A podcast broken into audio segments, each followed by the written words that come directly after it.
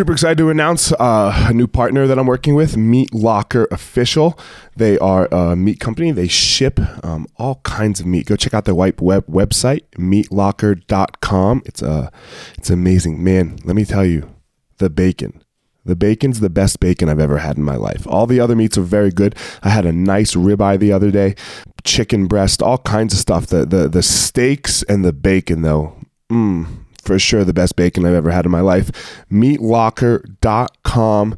Type in the code name Easton 2019. E A S T O N 2019, and you will receive 15% off of your order. Um, again, meatlocker.com. Get some bacon. Evo Labs, uh, Evo Labs products. Um, man, I love a couple of Evo Labs products that I like to use. I like to use their uh, skin repair and intensive salve. Man, the skin repair is amazing for when I get like these little abrasions on my skin and we uh, and you know you you're always worried about like whether you're going to get an infection or not or how it's going to heal. Skin repair evo labs skin repair. Go check them out evolabs.com and then two their intensive salve okay? Again this is for like a little bit of soreness after i train at the end of the day. Rub it all over um, like especially like my upper back and my arms then my legs.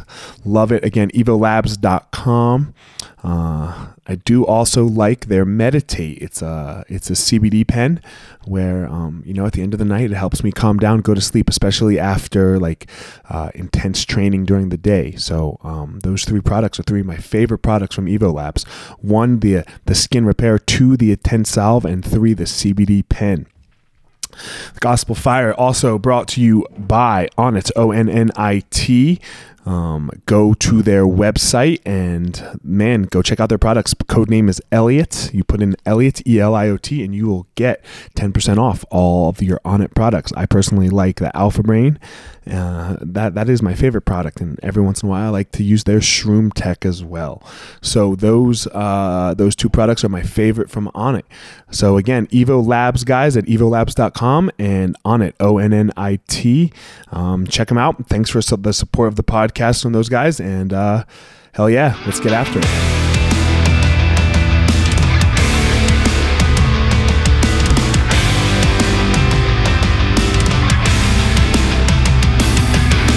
Hey guys, this is former UFC fighter Eliot Marshall, and this is the Gospel of Fire, where we're going to go through the fire to learn how to live the best life possible. Welcome to a very special podcast. It's actually a joint podcast between the Maximus podcast and the Gospel of Fire podcast. Your hosts today are Bobby Maximus, Joe Cebula, and Eliot Marshall. Eliot and Joe, how are you guys today? Oh, we're doing great. I'm doing great, man. You know, it's an, it's uh, got a foot of snow overnight here in Colorado, so running a little behind, but such is life.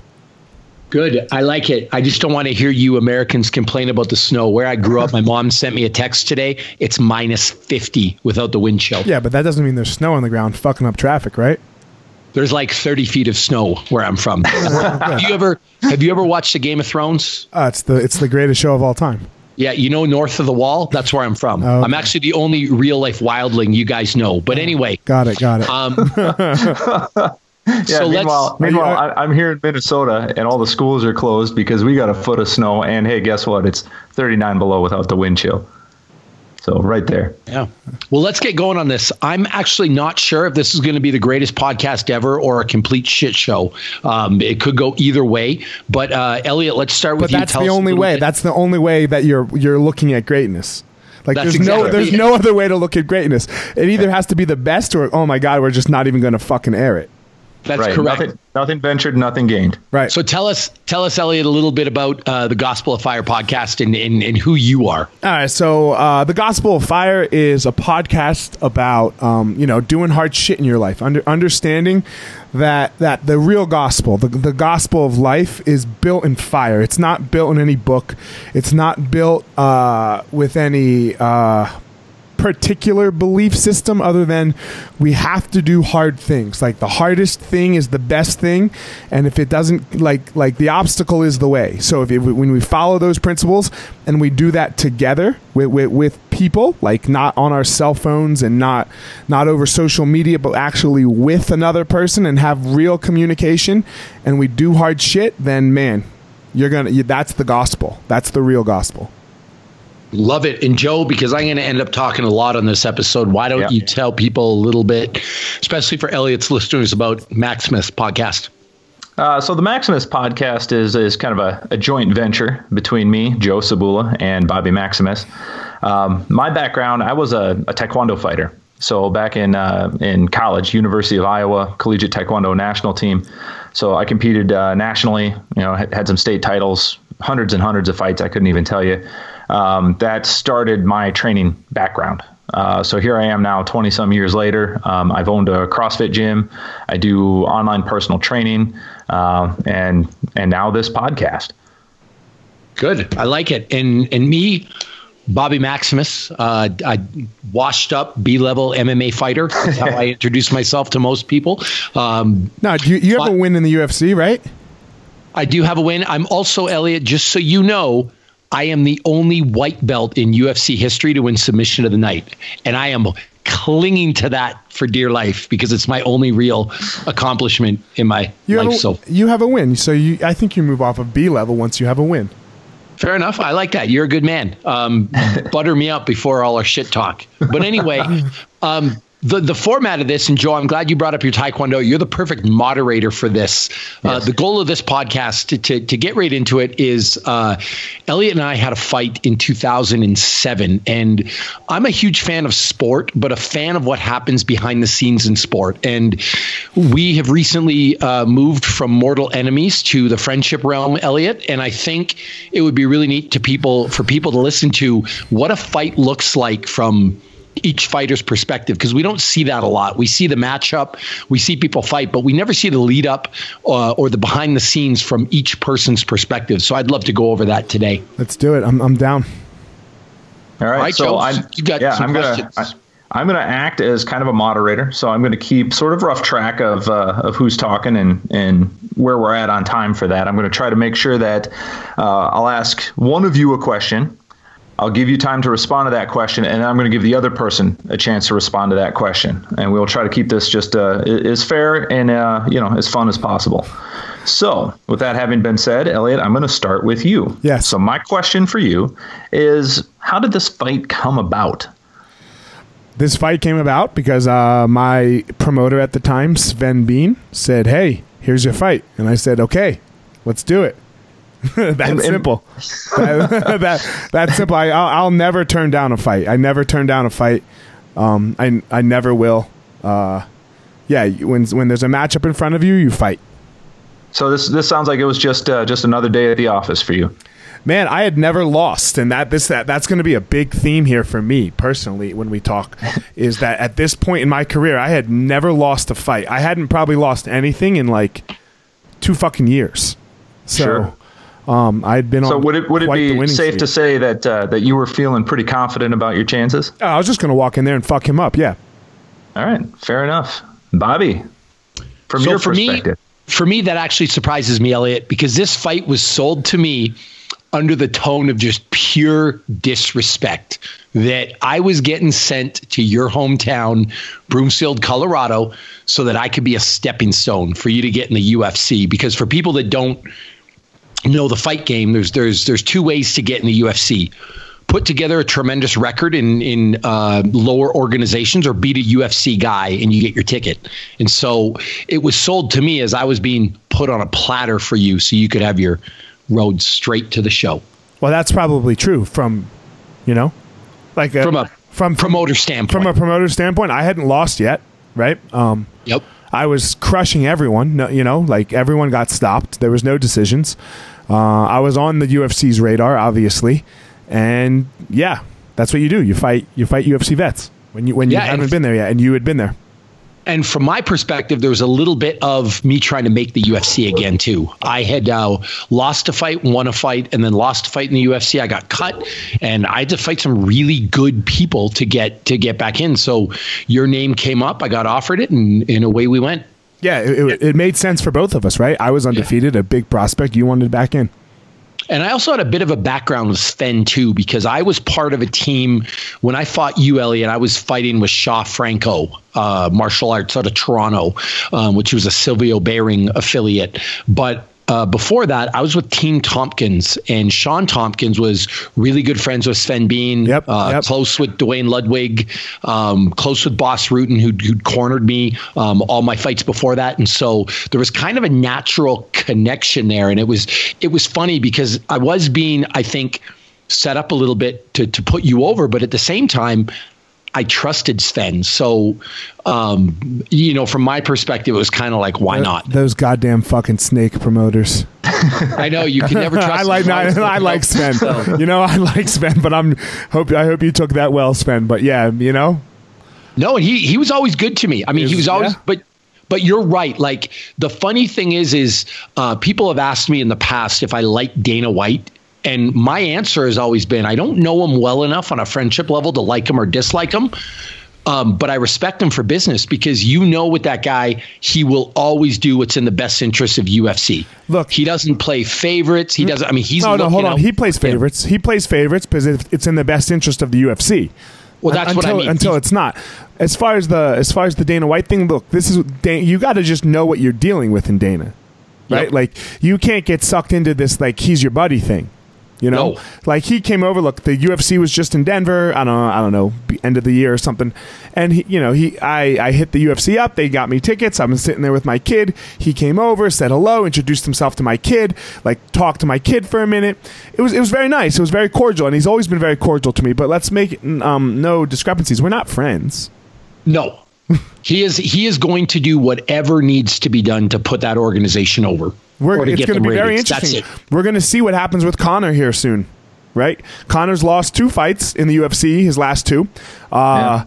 He he lost to Floyd. He's uh, excuse me, and in his next fight, we're going to see because how do you sell Conor after if off coming off technically four losses? George St. Pierre. Yeah, I know, but at, but he's fighting Cowboy next. Oh, got you. You know, so after after that, how do you sell? Now that fight won't sell. George will never take that fucking fight. Yeah, George doesn't need George doesn't need the money.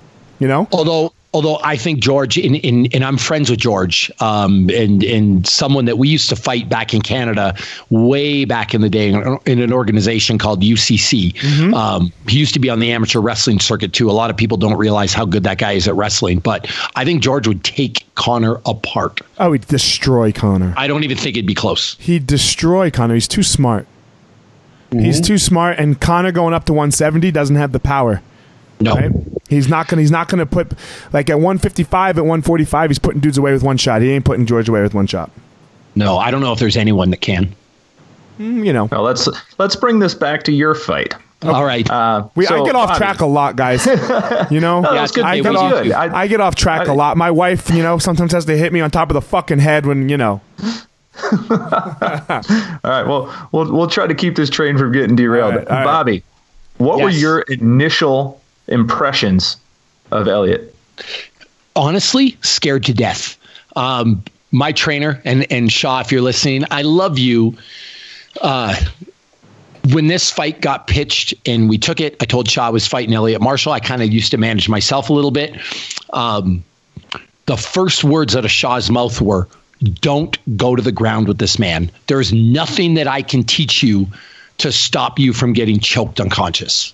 And I'm like, what the fuck, Shaw? Like, thanks for the confidence. He goes, you can beat him, but you got to keep this on your feet. You go to this ground with this man, you will die. So my my first impression was basically Eliot that you were the greatest grappler of all time in the history of the fucking world. What kind of uh, research yeah. did you do? None. I just trusted Shaw. He was my guy. And if if Shaw Franco and Silvio Behring are going to tell you that this is one of the greatest grapplers on the planet, I I believe them. I mean, they gave me all kinds of things. I, I, think Eliot, you were the I think the only American to maybe win Pan Am's at every belt level Uh, worlds a other, bunch of times. Other I mean, than black, I didn't win at black. Was, other than black, yeah, fair. I, was, not a black um, yet. But they fed my head full of all kinds of stuff, and I was basically like, "Wow, I'm basically fighting the world's best grappler here." So that was that was my impression of you. All right, Eliot. Same question. What what did you think of of Bobby? I told you I'm gonna fuck him up. I'd never lost. No right? fear at all. N- none. No, no I mean, well, fear. Yeah, right. like sure. Uh, okay, hold on. Uh, fear that I was not aware about until fight night came, but uh, yeah, fear. I mean, you know, you're always nervous, but not like right. But you just go do camp, man. Like mm-hmm. so, this, this, this was nothing special for me. This was this was like this was just another day where I was gonna go. Like until you lose, it's just another day until you're that you're gonna go out there. You're gonna fuck somebody up. You're gonna party afterwards. Like you don't you don't know any different. You know you don't you you know no adversity. All, or maybe you know adversity in the fight, but when you're thinking of fight night, you're nervous, but like everything that you've experienced up until this point has been phenomenal. Did you do any any digging on him on on him as a fighter? Watch nope. any film, anything nope. like that? No, I knew he I knew he's Greco, and that and that's enough. That's you enough. knew what to do. That's enough. I knew you know he's a Greco-Roman wrestler. Uh, he was going to try to throw me and and beat me up, and. Mm-hmm. Uh, let me think. What else did I know? I knew, you know, it wasn't like he was a crazy striker. He wasn't like fucking Anderson Silva. I'm not Anderson Silva. Uh, mm-hmm. He wasn't like a phenomenal grappler. I was, you know, so he had the wrestling, I had the grappling, and you know, let's call our striking somewhere yes. All right, all right. So this fight ended up being rescheduled. It was originally set for September. what happened, Eliot? Mm, I got a I got a staph infection in my knee. I didn't walk from uh, I think it was the middle of July until literally the uh, the week before the fight. I had I had uh, I was on IV antibiotics. My knee. I came home one day, and like my knee like hurt, and I was like, man, I must have fucking bumped my knee or some shit, you know. And then yeah. uh, I woke up in the middle of the night. I went to go take a pee, and my knee was like just throbbing. I fell over. I, I like passed out. You know, I'm like Renee, I'm not okay. My, Renee's my wife, you know, and she like looked at me. I had a fever. I had the chills. I, I had to go to the hospital that night. Um, I didn't get admitted because she was a she's a nurse practitioner, so she could you know do everything at home for me. Like, and I knew the ER doc. I'm friends with the ER doc. Um, and yeah, so I was uh, immobile for when when was the decision made to postpone the fight on your end? Uh, three weeks three weeks later, so somewhere in August, I believe. I don't quite remember, okay. but like when I still wasn't walking, when my knee was still the size of like a baseball. I'm mm-hmm. sorry, I mean a softball. Like, and I was like every twice a day we had to stick a needle in and drain fluid out. At that at that point, like there there was even if the knee got better, I don't know when was the fight scheduled. Do you remember the date? Somewhere in September, right? I don't. September seventeenth, okay, I believe. So, so, like you know, the second week of August when I hadn't trained for mm-hmm. three weeks, and I and I still and I couldn't walk. Yeah, we were. I was out. so, so as a fighter, like what what what was that experience? I mean, were you were you frustrated? Were you like just okay with it because you kind of knew it needed I, to I was happen? worried about my health, man. I was sick. Sure. Like I was really sick. I wasn't like. uh what uh, yeah I, I wasn't even concerned about like anything fight wise I, I was I was really sick I, I just wanted to walk again you know like mm-hmm. Mm-hmm. Uh, I think I think we have we all cut weight have you cut weight Joe oh yeah of course everyone thinks like when you cut weight you're like oh goddamn you want a steak man fuck you you don't want a steak you want water right, right? Yeah, you, yeah. right would you agree Bobby Oh yeah, for you're, sure. You're not like, oh god, I can't wait to have this fucking phenomenal meal. I just wanted to walk. you know, like I didn't, right. I didn't give a fuck about fighting. I, right. I, I, just wanted to walk. And, and Bobby, when you found out that this fight was going to be postponed, what was your reaction? So I want to ask you a question, Eliot. Then mm-hmm. I'll give my answer, because this is a narrative that that my camp kind of I think put inside my head. Was any of the staph infection fear induced? Yes, yes, all of it, all of it. You know, I got very scared. I got okay, ridiculously so. scared, right? Like I, I, I, uh, I took, I took a needle and I injected it into my knee so that I could go to the hospital, and and then they could like uh, put an, another needle in my arm so I could get an- antibiotics. And like, I don't know how I would do. I don't know how I fear induced the, the the the passing out. You know, but I guess okay. you can have panic attacks and pass out. But yes, all fear induced. So here's here's why I say this. Uh, a lot of people, the the behind the curtain look at Bobby Maximus is uh, in a gym. Um, I'm that guy, Eliot, that can come to your practice and you will wonder, your training, and you will wonder how I'm not a UFC heavyweight champion.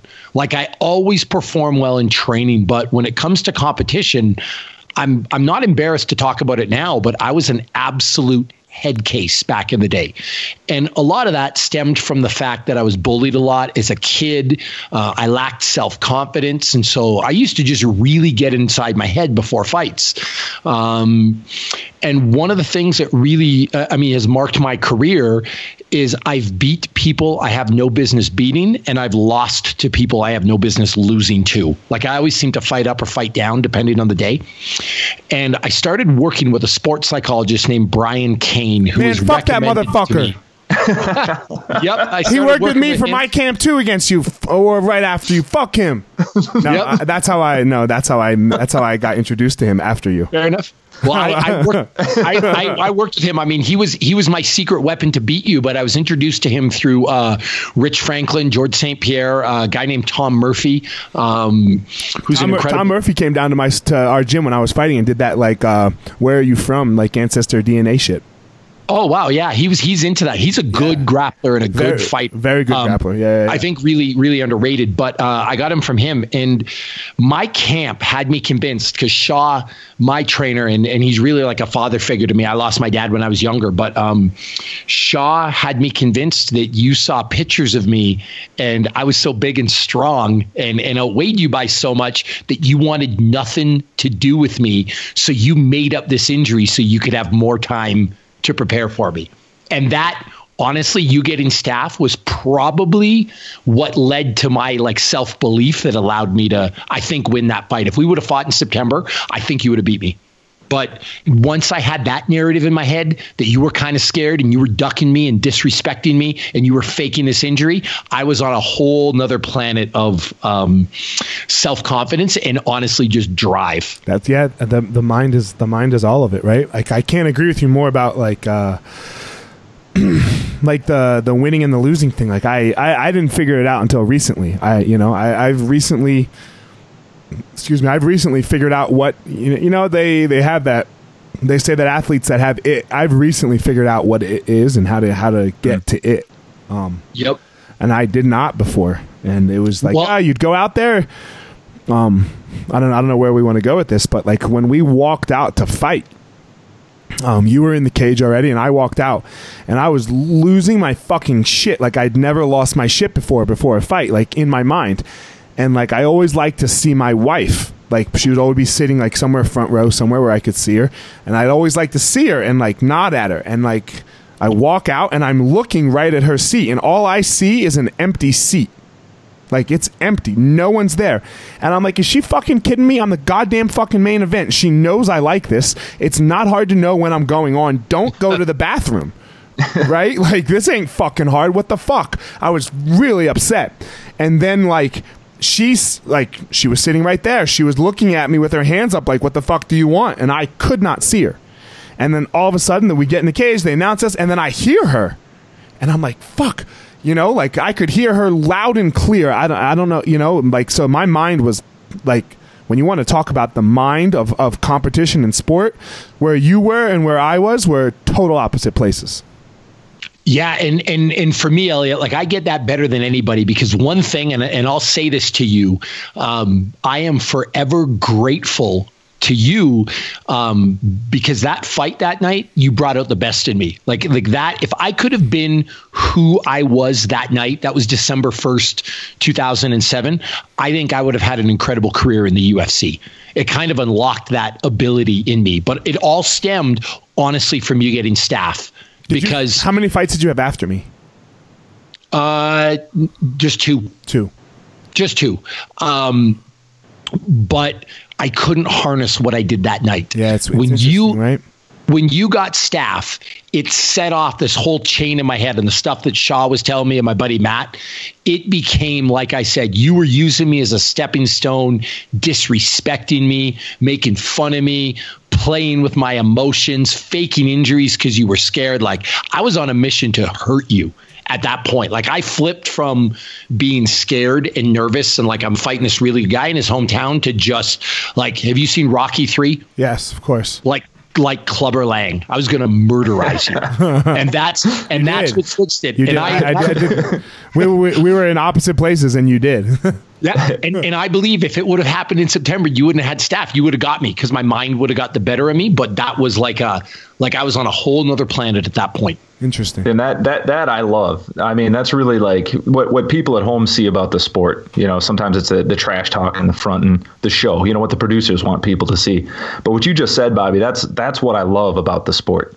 Is because it is two guys bringing the best out of each other because only the best will win. Mm, he didn't bring so that, you didn't bring the best out of me at all, Bobby.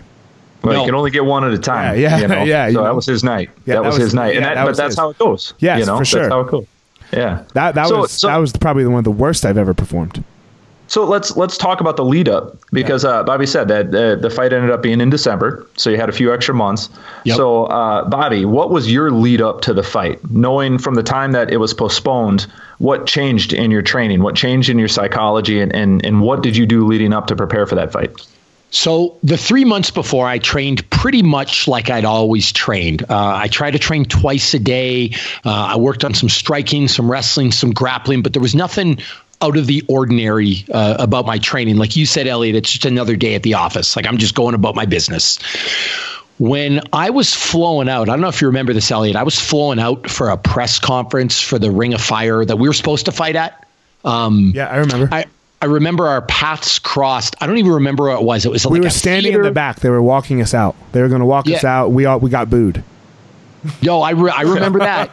But oh. but even before that, the weigh-ins the night before that Ring of Fire, it was held somewhere, and you were there and I was there. Um, like a theater or like a restaurant or something like that. Maybe a Dave and Buster's. Sure. And uh, I remember uh, maybe Dave and Buster's. Yeah, I, I don't, I don't remember. I remember standing I re- in the back with you before. I remember seeing you and then and then my narrative of disrespect really took flight. I'm like, look at this skinny motherfucker. I'd be scared shitless of me too. and I remember you looking at me and thinking you were giving me dirty looks. And it was probably all manufactured in my head because you got to understand, I had this one guy, Matt uh, McDonald, um, in in in in my head. He's a Jamaican guy who I used to train with all the time, and he's that guy, your friend that always kind of endorses for you to do ratchet shit and go off on people. So he was he was always hyping me up to fight people in the clubs, and everybody that walked by me was looking at me funny and disrespecting me. He was in my ear with this stuff, and you're surrounded by people like that, you become that. Like yeah, you were. I remember in the back, you were a fucking dick. You're a total dick. And I'm like, man, we're not fucking fighting yet. We got like three months. What are you being a dick for? You know? That's because of my good friend Matt McDonald. You were dis respecting me fundamentally, everything I stood for. And every time we would train, he would he would just spout shit, shit in my ear. This fucking Rossclot, this Bumbaclot's disrespecting you, spitting on your name. And I was wondering why you were being a dick, right? I'm like, man, like what the fuck, man? I was in the hospital last week. Why the fuck are you being such an asshole? I was ready to fight you right there. I, I guess so. so you you didn't up. believe that I was in the hospital. You thought I was faking it, right? No, you know? just yeah so just more disrespect. Yeah. You showed up to this thing looking fine, like you don't have a scratch on you. Yeah, I know. I didn't. I, I, hadn't fucking gotten out of bed until the week before, motherfucker. and I remember. Yeah, I was I great. Remember, Everything was perfect. Yeah, no scratches, not sore at all. Right? Like nobody had touched me. You know, like no sex, babe. You know, I'm fucking sick. Like you know, nothing, man. So yeah, I'm fucking fine. And I remember, I remember calling Matt. I'm like, Matt, I don't think he's sick. Of course, this motherfucker ain't sick. He's playing with you. He's laughing at you with all his friends. So I was just, these guys were amping me up and amping me up. And so at that moment, can I get Matt's number? Pardon? Can I get Matt's number? Of course, you can talk to him. I would have been undefeated going in the fucking UFC if yeah. it weren't for this guy. He's, so he's just amping me up. Anyway, I flew home from there. Uh, and the first thing I did was dump my girlfriend of a year and a half because she was holding me back.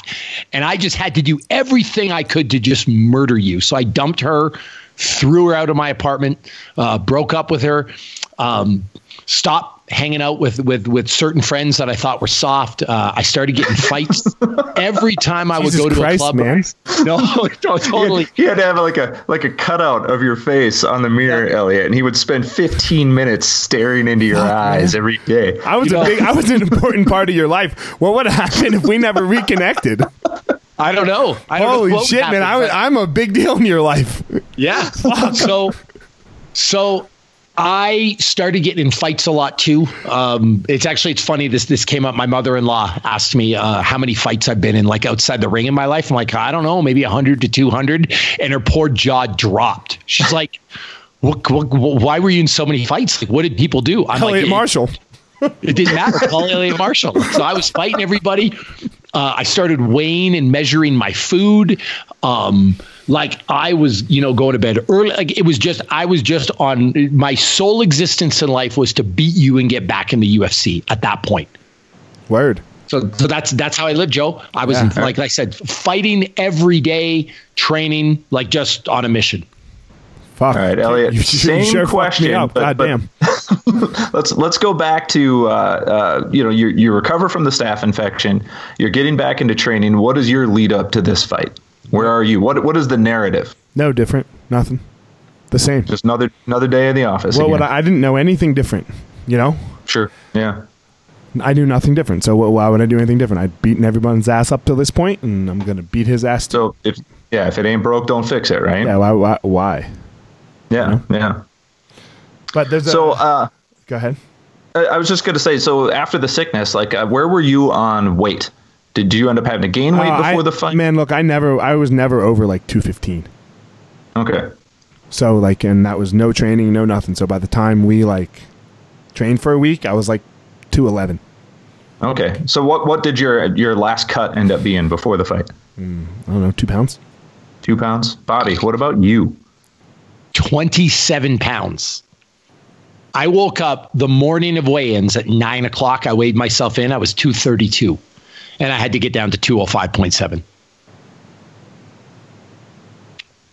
How he tried to blame this on me. He tried to blame this on me that like the, that had to be in my home state of Colorado where his favorite restaurant Qdoba is. Fuck off, man. Okay, so he calls me up. He's like, "I want you to know something." And I'm like, "What do you want me to know, man?" He's like, "This is it's your fault. The sauna is your fault." And I'm like, "Whoa, whoa, whoa! What do you mean?" And then he's explaining. I'm like, "Look, nobody made you go to Qdoba. I could have gone to Qdoba too, and I didn't." so you know, here's here's the deal, Eliot. I'm not uh, naturally necessarily the angriest guy in the world. Uh, I was so focused. I know it sounds fight. like I brought it out of you. Yeah, I was so I was so focused for that fight that I, I, couldn't keep it up. Like I was so, and it wasn't just you. I mean, I wanted to get back in the UFC. I felt disrespected. I feel like I felt I got cut unfairly. Um, you know how you're supposed to lose two in a row before you get cut? That's kind of like the unwritten rule.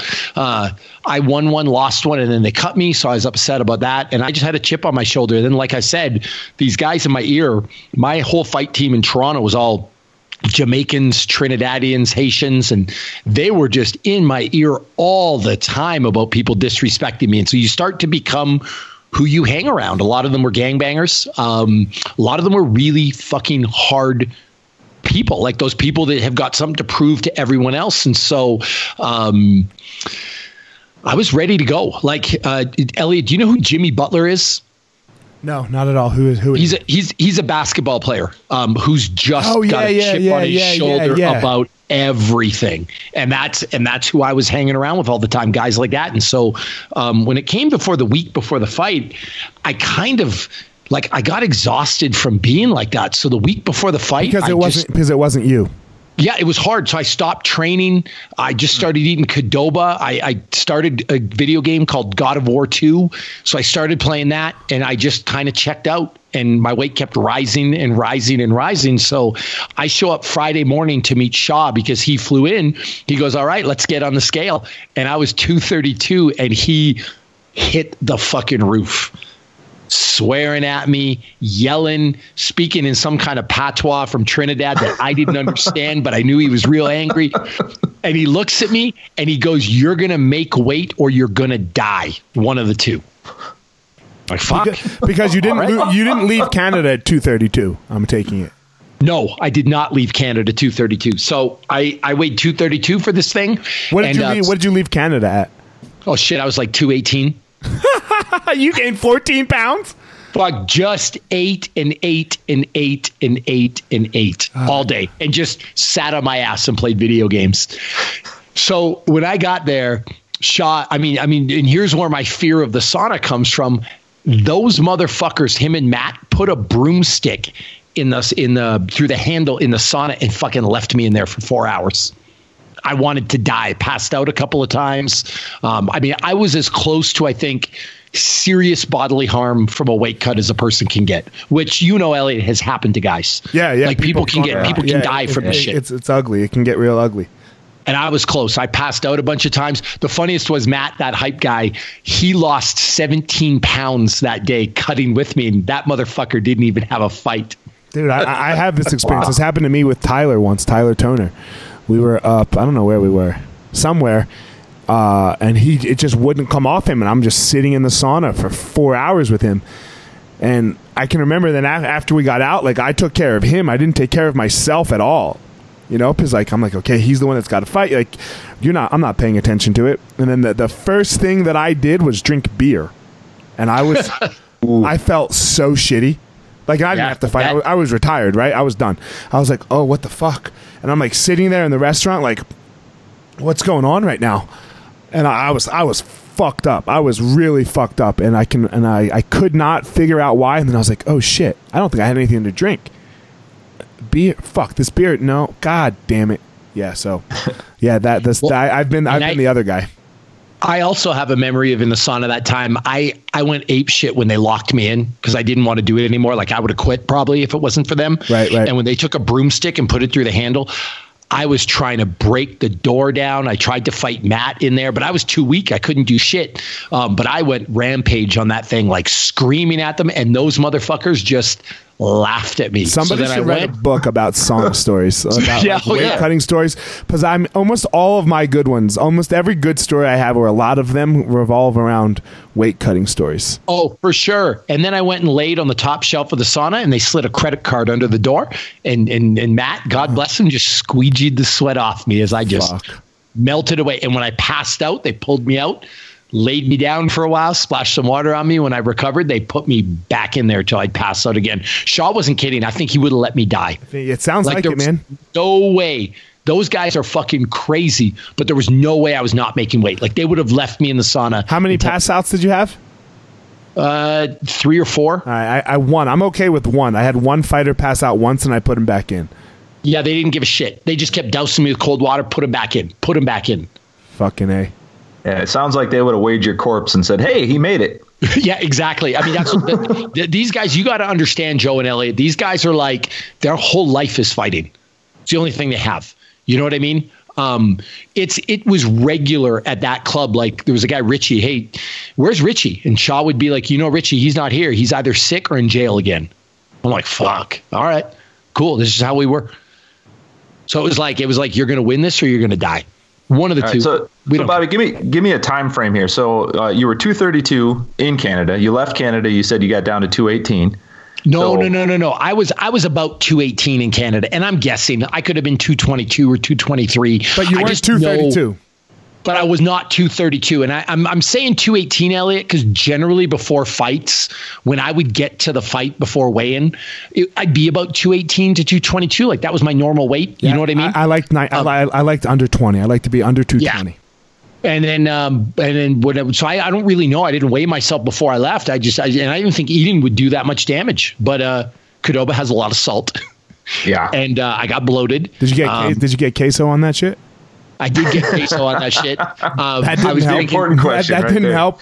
Yeah, I was drinking some beer, um, a lot of Jägermeister and Red Bull in those days, and uh, yeah, I rolled in two thirty two nine a.m. You Jon Jones that shit, huh? Like you were just like hedging your bet just in case.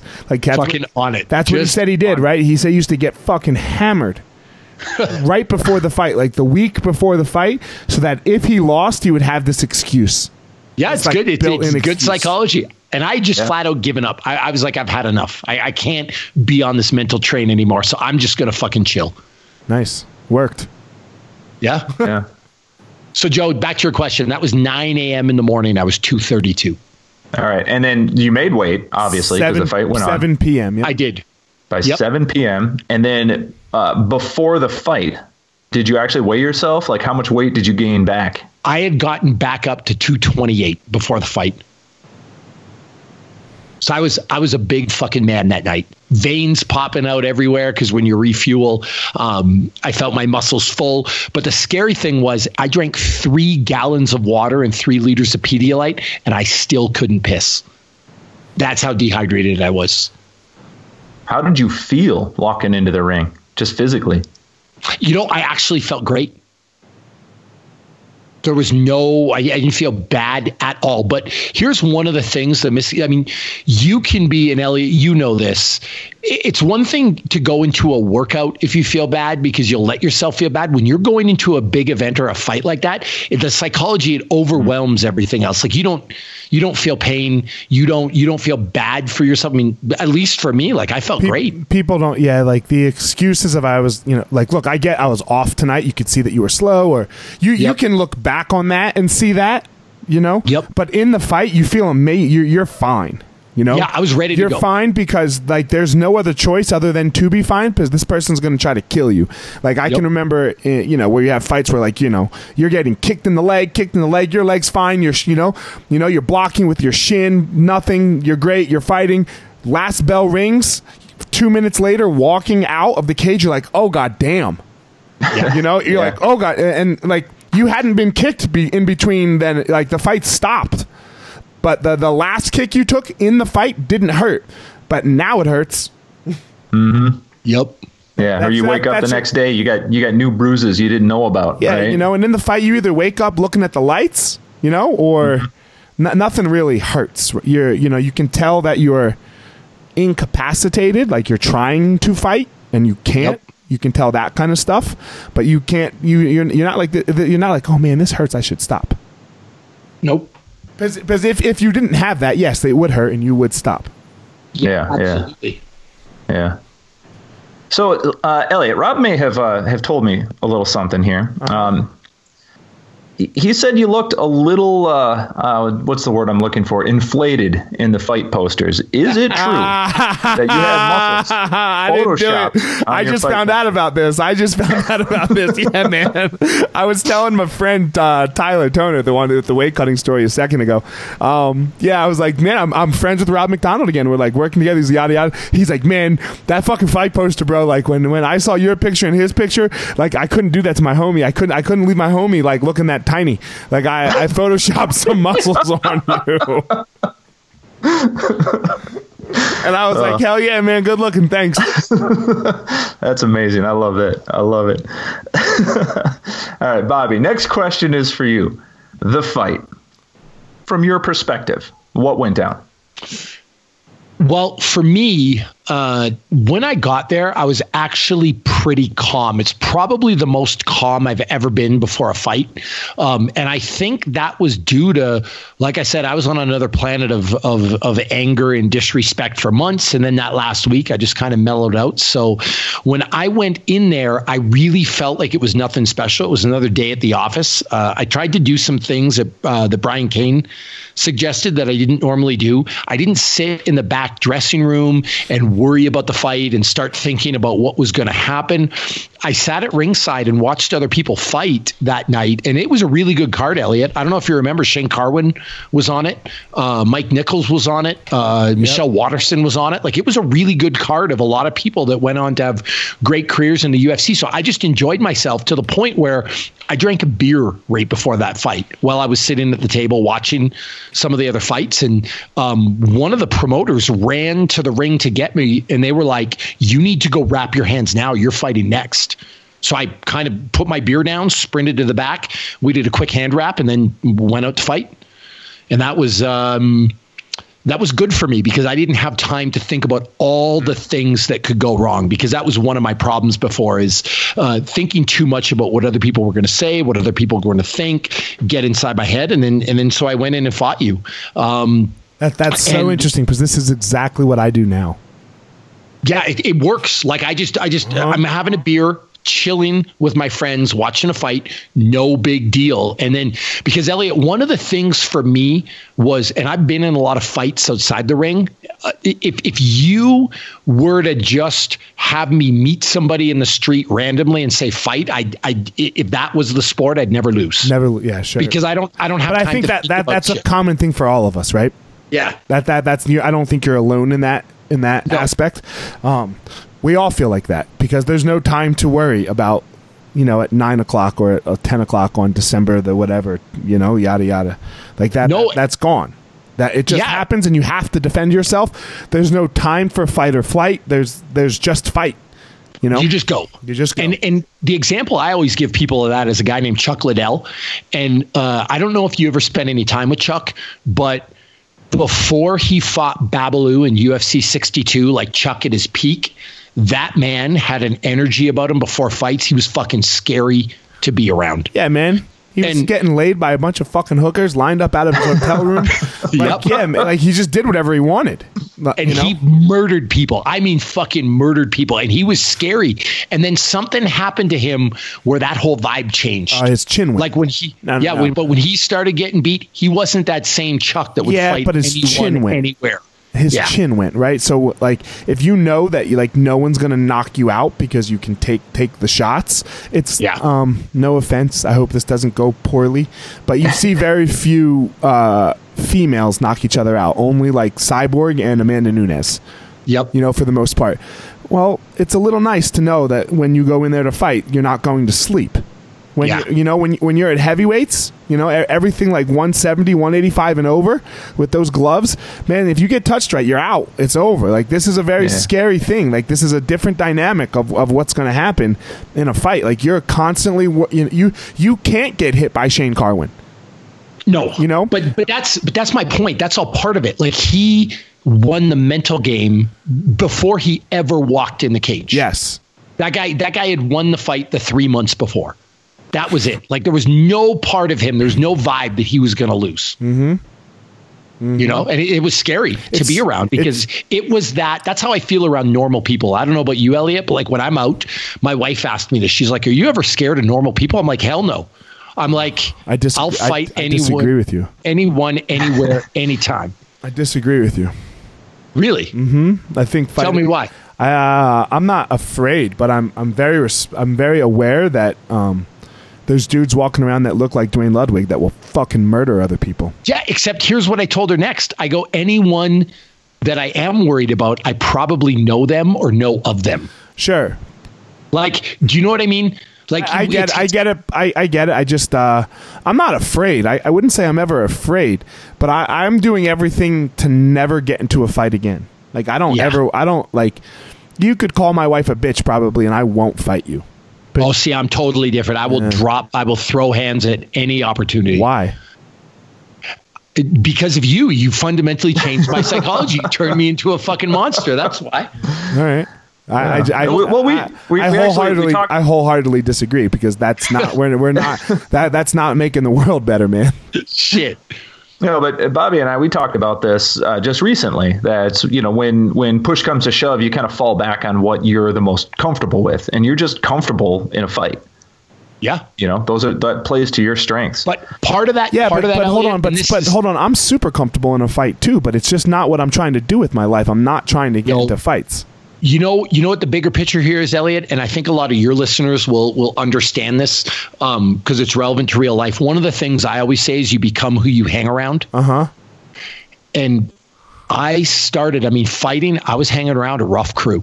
Yeah, we all were. Mm-hmm. That's, that's the, that was the only just, way to do it. That's just the way it was. Yeah, but, I mean, but but uh, hold on. Let's let, yeah, but we're 40 years old now. Right, yeah, right. You know what, Eliot? I I haven't grown up.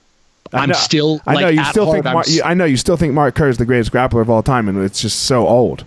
He but, is. But uh, I am still like at heart that 27 year old kid. And Joe, you know me well enough. I've got a constant chip on my shoulder. Yeah. Yeah. Like constant. I'm always trying to prove people Why? wrong. You know, I Eliot, if I had the answer to that, I probably, you know, I, I, have no idea. I mean, maybe it stemmed from being bullied as a kid. Um, part of it is my dad dying when I was younger because I really felt like the world fucked me over. Um, he was my best friend. It kind of really changed my whole world how, perspective how on stuff. I was 20. Okay. Um, and and growing up, like kind of being bullied, I didn't have friends. Like my yeah, dad and we're in the same boat. I had no friends either. I mean, yeah, yeah I my my dad was my friend, you know, and his friends. And when my dad died, I really felt like I lost a whole social circle. Um, and it was really weird. Like I kind of felt I lost my family because my my a lot of my dad's friends couldn't look me in the eye without tearing up, and and it would really really hurt me to be around them um, because it would remind me of my dad dying. And, and so mm-hmm. I just kind of like had a chip on my shoulder. And mm-hmm. then I mm-hmm. fell in with Team Tompkins.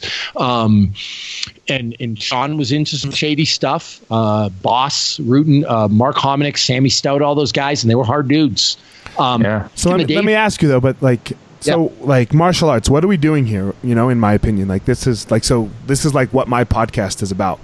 Like we do, like th- this shit doesn't matter like that, no, like the like the like the like the wins and the losses on your record, and the and the arm bars right. and the chokes that we did today when we went and trained, and and you know your, I mean, what's your deadlift? What did you say it was? Six thirty five. Six thirty five. It doesn't fucking matter, right? It doesn't matter at all. What what matters is the lessons that it teaches us, and it what the lesson that it teaches you is to get back in there and fucking work at it. So why why why do you why why the chip on the shoulder still and not just fucking work on that you know, chip? I, like, I don't know. Let me let me ask you a question, just me? just yeah, yeah. out of curiosity.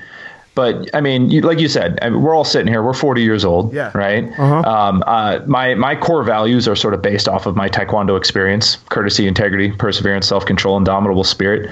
Um, do you think that your current perspective is is more of a, a new thing. Like when oh, you were 25 no, years old, 100%. are you in? So yeah. you're in the same mental space as Bobby then, but you're saying you've you've changed since. Well, I've had I had a what I like to call a mental breakdown slash spiritual awakening, where I, where sure. I, where this didn't work for me. This this mental right, space right. did not work for me at all.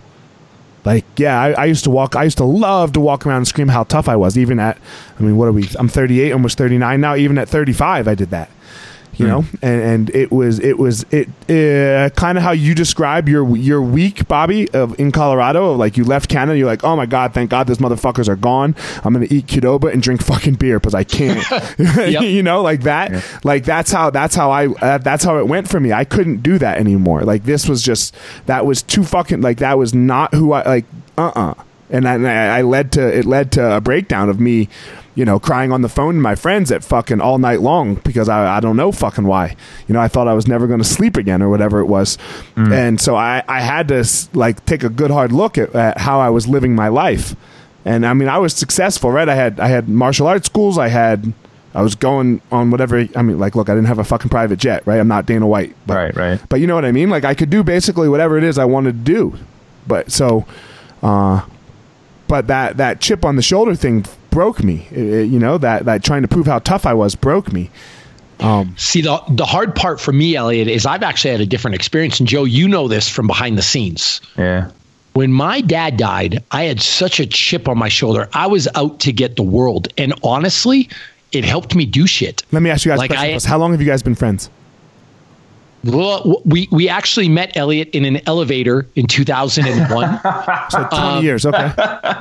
well, no, no, no, we weren't we weren't friends then. Listen, I made it. I was second in the world for IKF kickboxing. Okay. And Joe was good friends with a guy who knocked me the fuck out named Trent Tompkins. And Joe and I, beautiful. It Joe was and beautiful. I passed each other in an elevator and like stink eyed each other. Uh, we almost got in a fight that had to be broken up, and then we didn't cross paths again until he came to one of my seminars in fuck 2015 or 16. All right. and Yeah, then yeah. and then we became friends. Gotcha.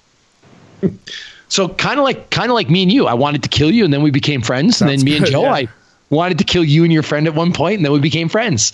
Um, but uh, no, for me, like when my dad died, I uh, the chip on my shoulder helped me do a lot of stuff. I was never naturally athletic. I wasn't good at stuff, but that anger, I guess, or that um, chip on my shoulder helped me do stuff. So the hard part for me is like I don't like feeling like that sometimes, but Joe, you know, it helps me do shit. Like Joe, you've known me long enough. If you want to motivate me, tell me I can't do something, Yeah. and, yeah. and I'll, And I'll figure out a way to make it happen. Yeah, well, and I mean, even your your whole every damn day has that that bit of an edge to it. You know, like it's just part of what motivates you. You know, it's a, it taps into uh, a, a little bit of anger, which is a very motivating thing. You know, Well, and and and then I But got but feedback. hold on, but but we know but we know that that's not correct. We know that that anger does not motivate the best. We know that love does. Maybe, maybe No, not. no, I mean, we I know this. This is Hey, Eliot, this is if I- scientifically proven. Yeah, except except if I if I can be really honest right now, I don't think the whole love thing was working for you on December first, two thousand and seven. Yeah, I was not Yeah. there. I was motivated by anger. Okay, fair enough. oh, touche. Yeah. No, very of nicely course. done, Eliot. Yeah, Fair no, enough. of course not. But where I am now, like you know, I'm s- uh, what I, I I don't know. For me, I know a couple of things. I you know, I'm sitting in my office that my wife made for me, and I have two posters on the wall, and and one of them is darkness can't drive out darkness. Only light can do that. Because hate cannot drive out hate, only love can do that, and we we know how to make things better.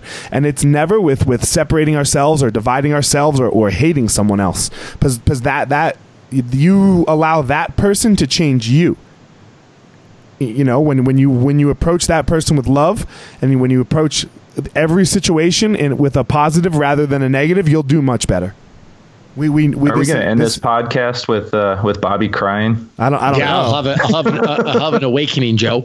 You know? Um, back back to that fight though. you beat my ass Well, i had no yeah, concept of any of this So my so my my. but you still was- think Mark Kerr is the fucking best grappler, right? like you're, li- you're living in 2007 still, man. You know, I, I, I want to I want to kind of give give our listeners here sort of a, a perspective. So I mean, for what I'm understanding is is Eliot, you're just showing up for another day at work. This Uh-huh. is just this is what you do. And and from Bobby's perspective, I mean, he had completely altered his entire life for the sole purpose of destroying you in front of everybody you knew. Yeah, for sure. And it works. I'm not saying it didn't work. Right? You know, it, it, it definitely worked. He he won the fight. We're not um when I'm not even going to even try to dispute that. I mean, I don't even I don't remember a single thing from the fight. Well, I, Really? can, I can tell you because I remember Eliot. Yeah, I remember nothing. So I remember walking into the cage and Yep. that's it. I remember walking in the cage, looking for my wife and nothing else. And not like oh, you got knocked out, you don't remember. Like you know, like it's not that. It's uh my mind was so shot that I, I couldn't nothing. I have nothing. Yep. So I I uh, I was drinking my beer at ringside, Joe. Um, one of the promoters went and got me. You need to wrap your hands and get out now. Wrap my hands. Uh, I walked out to my entrance music, which I carefully chose. It was "You're the Best" by Joe Esposito from The Karate Kid. Fuck yeah. Because I Don't purposely remember wanted that. To, I purposely wanted to troll you, Eliot. So I didn't have my serious music. I'm like, I'm gonna clown this guy. Um, went into the ring, and I was convinced that I was going to destroy you. What in round front did the fight end? uh, the start of round two. The start of round two. So I was I was convinced. You got to understand. I thought I was getting brought into your house, your hometown. I was a stepping stone. Everyone there was laughing at me, and I was there to shut everybody up. So I was going to beat you up in front of your parents, steal your girlfriend, smash you, getting in a fight with your cornerman after the fight. Like I, it, it was on. Duane so would have round fu- Duane would have fucked you up, bro. Me and Duane are friends. he Duane wouldn't. He, would've he, fucked you up. I think I think Duane would have took my side. Uh, uh no way, no way. You don't understand what it's like before Duane in a fight, man. Like normally, he's like a scary so, human. Oh, bro, he's a scary bro, human. Holy shit! Because yeah, so um, I don't mean to interrupt you, but it's just too good since you said that. So the way my fight career started was uh was a Amal Easton, my now business partner, but my jiu-jitsu teacher. He Yep. uh he I said I wanted to fight. He called Sven, Sven and Duane obviously very tight. So Duane started teaching us kickboxing. I'd Yep. never kickboxed with you know before. I mean, I did karate, but that shit don't work. Uh, uh, I'd never kickboxed before before this, and so you know, a couple months in, a couple, you know, I don't know, maybe maybe a couple weeks in, Duane spars with us one time. Big gloves, no takedowns. Oh my fucking god! Like, and it wasn't like a round. Like the way we did it was twelve rounds. 12 fucking rounds. And I had to do 8 and Tyler had to do 4 because Tyler was a lighter weight so there was someone else there for Tyler.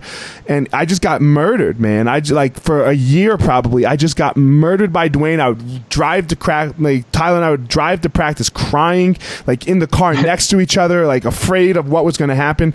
So before my first UFC fight um Duane where we are he something happened to his house. He was cornering me, something happened to his house. He missed his his missed his flight. He was gonna drive to Vegas and I was like, nah man, I bought your ticket on Southwest. Just just pay the change fee. And he was like, Oh fuck yeah, okay. But he was like already in his car, like driving.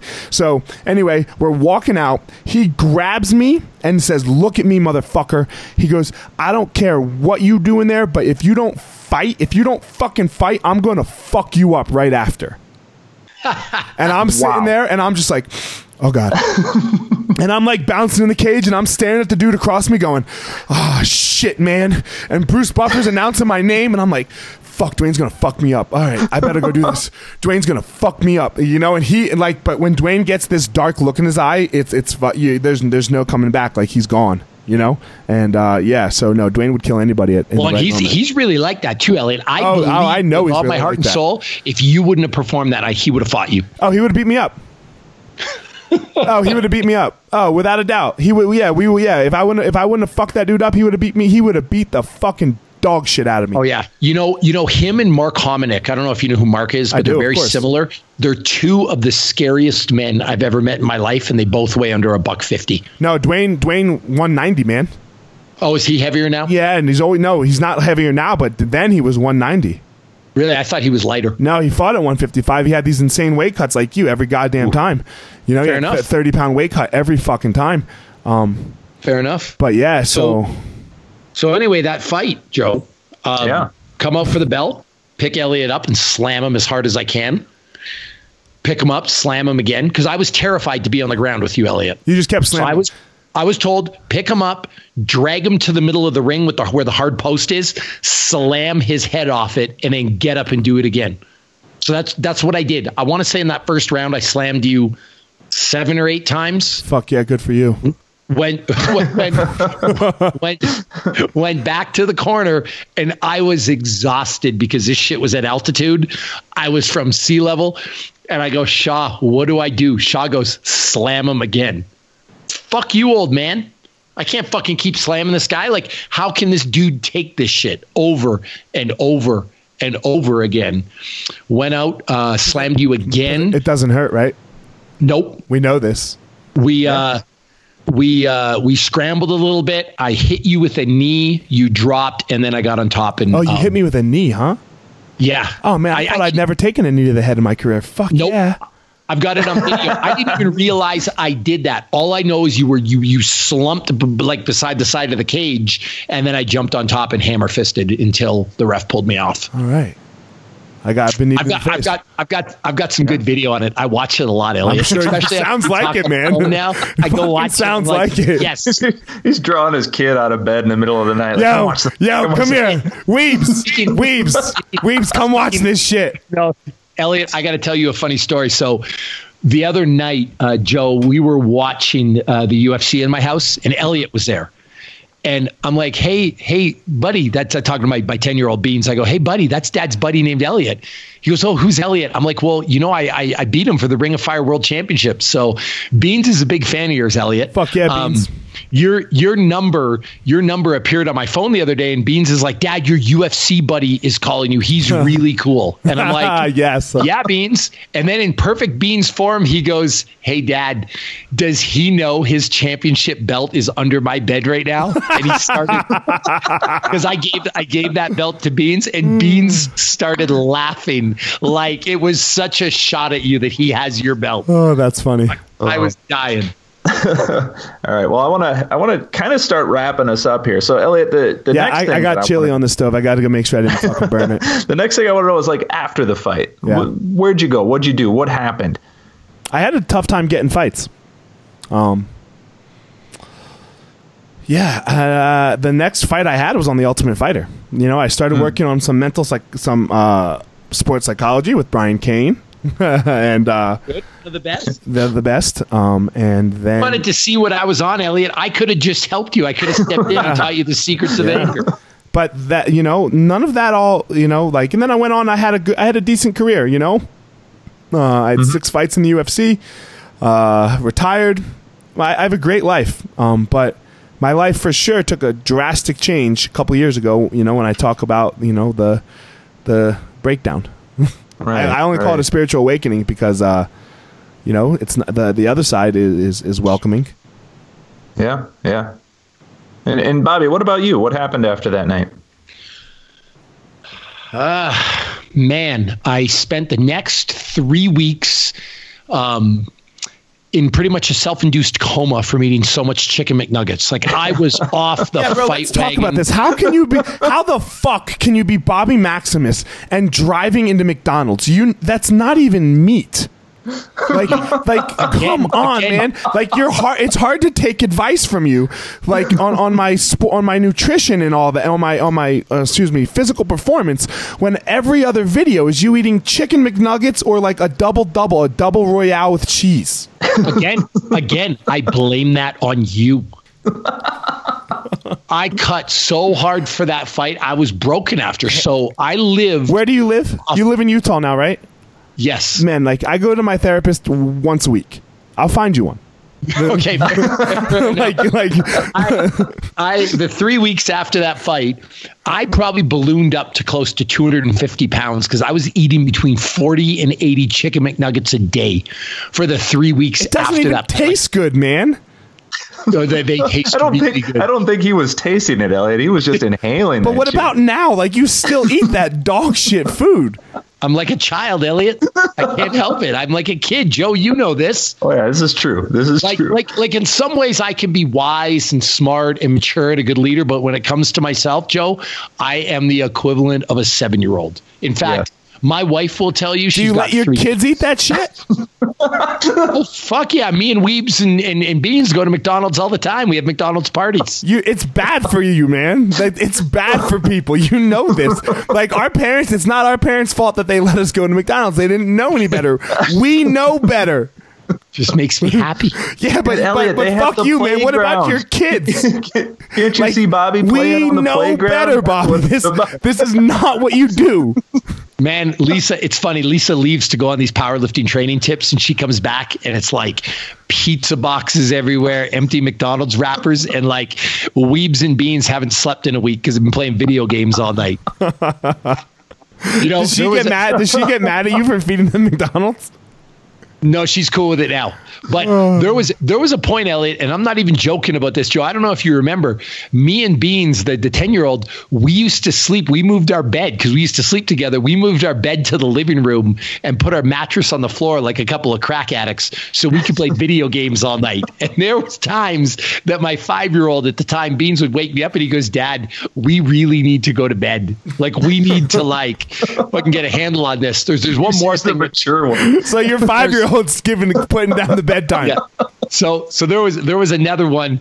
So when Lisa moved in, and I Oh, hope really? You need therapy, man.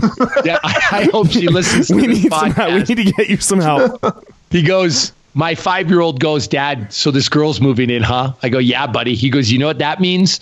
No more bad words, no more sleeping on the mattress in the living room, and no more, he called them biggers, no more biggers in the night because there were times I'd wake up at three in the morning and be hungry and I didn't know what to do with them. So I'd wake him up and put him in the car and take him to McDonald's. Holy shit. He knew he knew it was bad. So that was that was when Lisa moved in, no more biggers in the night, no more sleeping in the living room. Party and is over. bad words. oh. All right. So last question I've got for you guys, and this is for both of you together. How did you cross paths again? How did you reconnect? And what was that like for you?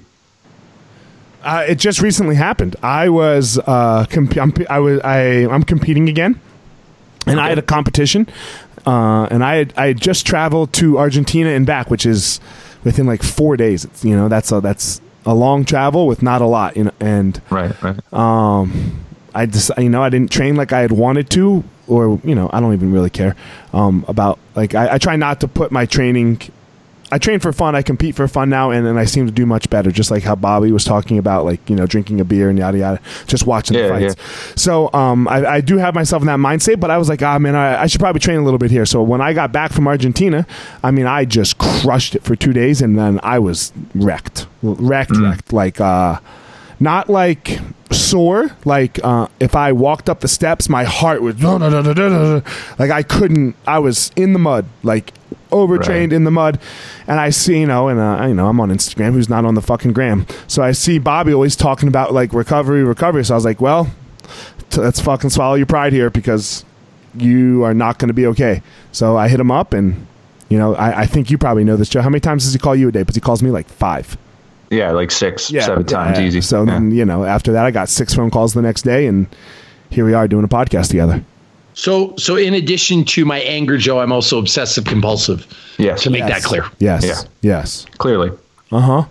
and and for that stuff, Eliot, I am all in on stuff like that. Like, yeah, yeah, I it was want- great advice. Let me let me say, it was phenomenal advice. He told me exactly what to do. He's like, "You're going to be better in three to four days," and I was better in three. Uh, we, yeah. And we got you on a weight program now. Now I'm on a now now I'm doing some weights with him. We argue about this every day. I think he is uh, a little confused. Like we just have a difference. He calls training lifting, and I call training jujitsu, and he calls jujitsu like playing around, and that's what weights is for me. You know, like I, right. so like we just have a different like, and we like I like I like doing both of them. You know, like I, I, I yeah. enjoy them, but I, I have to keep my tr- all of my training very fun. Like I tap every day when I train. Like I just, sure. um, I'm always playing, having fun, and and it's it's how I seem to do better. And like if uh, if I can't touch my legs afterwards because I did some dumb fucking workout with like 120 deadlifts or some shit, uh, mm-hmm. and then followed by lunges and squats, I'm going to be very upset. Eliot, I have beginners doing this workout. Like Look, you keep saying this. You keep saying this. You have beginners doing this come workout. On. Bro, come on, man. I am not a fucking beginner. I've been working out the whole time. You don't have them doing this. You have, there's no fucking way that, okay, that Joe, the blender Joe. botter people, like in the soccer moms, like, look, it's great. They need to exercise, but they're not better athletes than me. They're not in better shape hey, Joe, than me. It's not Joe, possible. You're impartial. I need to ask your He's opinion. He's not impartial. He yes, just yes, fucking met me. No. Okay, Joe. I gave him a, a goblet squat reverse lunge ladder after 120 deadlifts at a buck 35 120 deadlifts so where? So that was a warm up. Where's the workout? Yeah, the warm up. Yeah. yeah. so, so, Joe. Yeah, you so Joe, CrossFit motherfuckers. ladder of goblet squats and reverse lunges, and I thought I was being nice to him, so I gave him the girls' standard of thirty six pounds. No, you gave me the you gave me the fifty three pounds, and I told you no. that I gave the 36. So he, he he calls me after. He goes, I had to drop the weight, and he had to do it without weight. Yeah, so, yeah crush it. well, I, I, will tell you two things. One, yes, the people at Blender Bottle could totally do that. Yes. Uh, but also, I would put the people at Blender Bottle up against almost any other organization as far as how hard they work out. Well, they've had eight months of my craziness. Exactly. Well, yeah, but please don't say beginners. I'm not so, a beginner. listen, man, I I live my life. No, let's wrap this shit up. I gotta go check my chili. okay, now one more one more thing though, Eliot, because this is important. Go. I'm also the type of guy that I probably want you to win ADCC trials. It's this huge grappling tournament for people that don't know more than you want to win. Yeah, because I can't want to win. Like I'm I'm obsessed with this stuff. And Joe, you know this too. I mean, Joe, I'm always calling you. What did you eat today? What did you do for a workout? Uh-huh. Are you sure you went hard enough? Did you sleep enough? Like I really want things for people in my orbit. So, and I, I agree with you. I agree with you. I, I, I appreciate that. I'm the same. Um, but for me personally, I know how I do best is when I am just having fun. Yeah, fair yeah. enough. You know, so like I, uh, if when I when I start like uh, I'm current like I think you saw you saw it probably like a couple weeks ago. FloGrappling put out their beginning of the year rankings, and I'm ranked eighth in the fucking world. I wasn't even. I like trying, it. I wasn't even trying. Like mm-hmm. like Seth Seth Daniels, the promoter of uh, Fight to Win, he sent me a screenshot. I'm like, what is this, man? Did you like screen you like Photoshop my name on there? You know, and like because I'm not even like paying attention to it, and but I'm you know, and I'm beating world champions now. I've beat a couple of world champs, um, so. Yeah, but it, but only because my mindset's right. Only because I understand. Right, right. Only because I understand what it is, and I figured it out.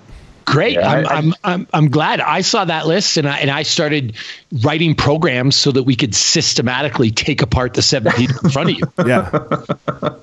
yeah. Well, let me yeah. tell you, Gordon fucked me up last Wednesday. Well, that's not going to happen when you can deadlift 635, Eliot. Let's go. That's right. Let's go. Yeah, it's all about the deadlift, I'm sure. all right, guys, I got to roll. All right. Hey, Eliot, thank yes, you so thanks, much guys. for sharing I appreciate it. This is this has been yeah, super fun. When is this, this gonna, when is this going to air? Not you soon know, enough. Probably probably next week. We've okay. got uh we did one on toxic masculinity that's coming out next week that's probably going to i think it's going to make a lot of people hate us joe yeah um, probably um, I think. I just we'll disagree. We uh, we talked about it, Bobby. I just uh, what what people are calling toxic masculinity is not yes. masculinity. We talked about right. this. It's Agreed. like some bitch ass shit, you know. Yes. Um, yes. Not not be, not female be... not female bitch ass shit. Like you let your fear.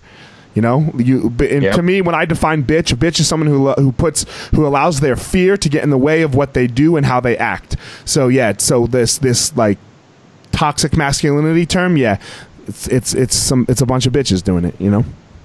Yeah, well, we'll there's see. Way, there's way like more. Are... There's way more men that are bitches than are than women. Fair enough. Yeah. Peace. All right, guys, thanks for listening to this episode of The Gospel Fire. Don't forget to check me out on all of my social media at Fire Marshal 205. Again, at Fire Marshal 205. Go to my YouTube channel um, Fire Marshal 01, that is, for YouTube, where you can follow. I'm, I'm, making these videos 100K strong. That's the goal for the year. I want 100,000 strong listeners to the Gospel of Fire. So I'm making, trying to make a video a week so that you guys can follow along on my journey of, of how I go about my day, some things that I talk about, some things that I try to work on for myself. And then finally, don't forget my website, elliottmarshall.com, where you can get up to date with everything that has to do with me personally, the Gospel of Fire. You're going to find all about my book release, um, also called The Gospel of Fire, February 12th. It will be for sale on Amazon that whole week for 99 cents. So all that information at elliottmarshall.com. Thanks again for listening. Thanks to my sponsors, Evo Labs and Onnit. So uh, that's it, guys. Hope you enjoyed the episode.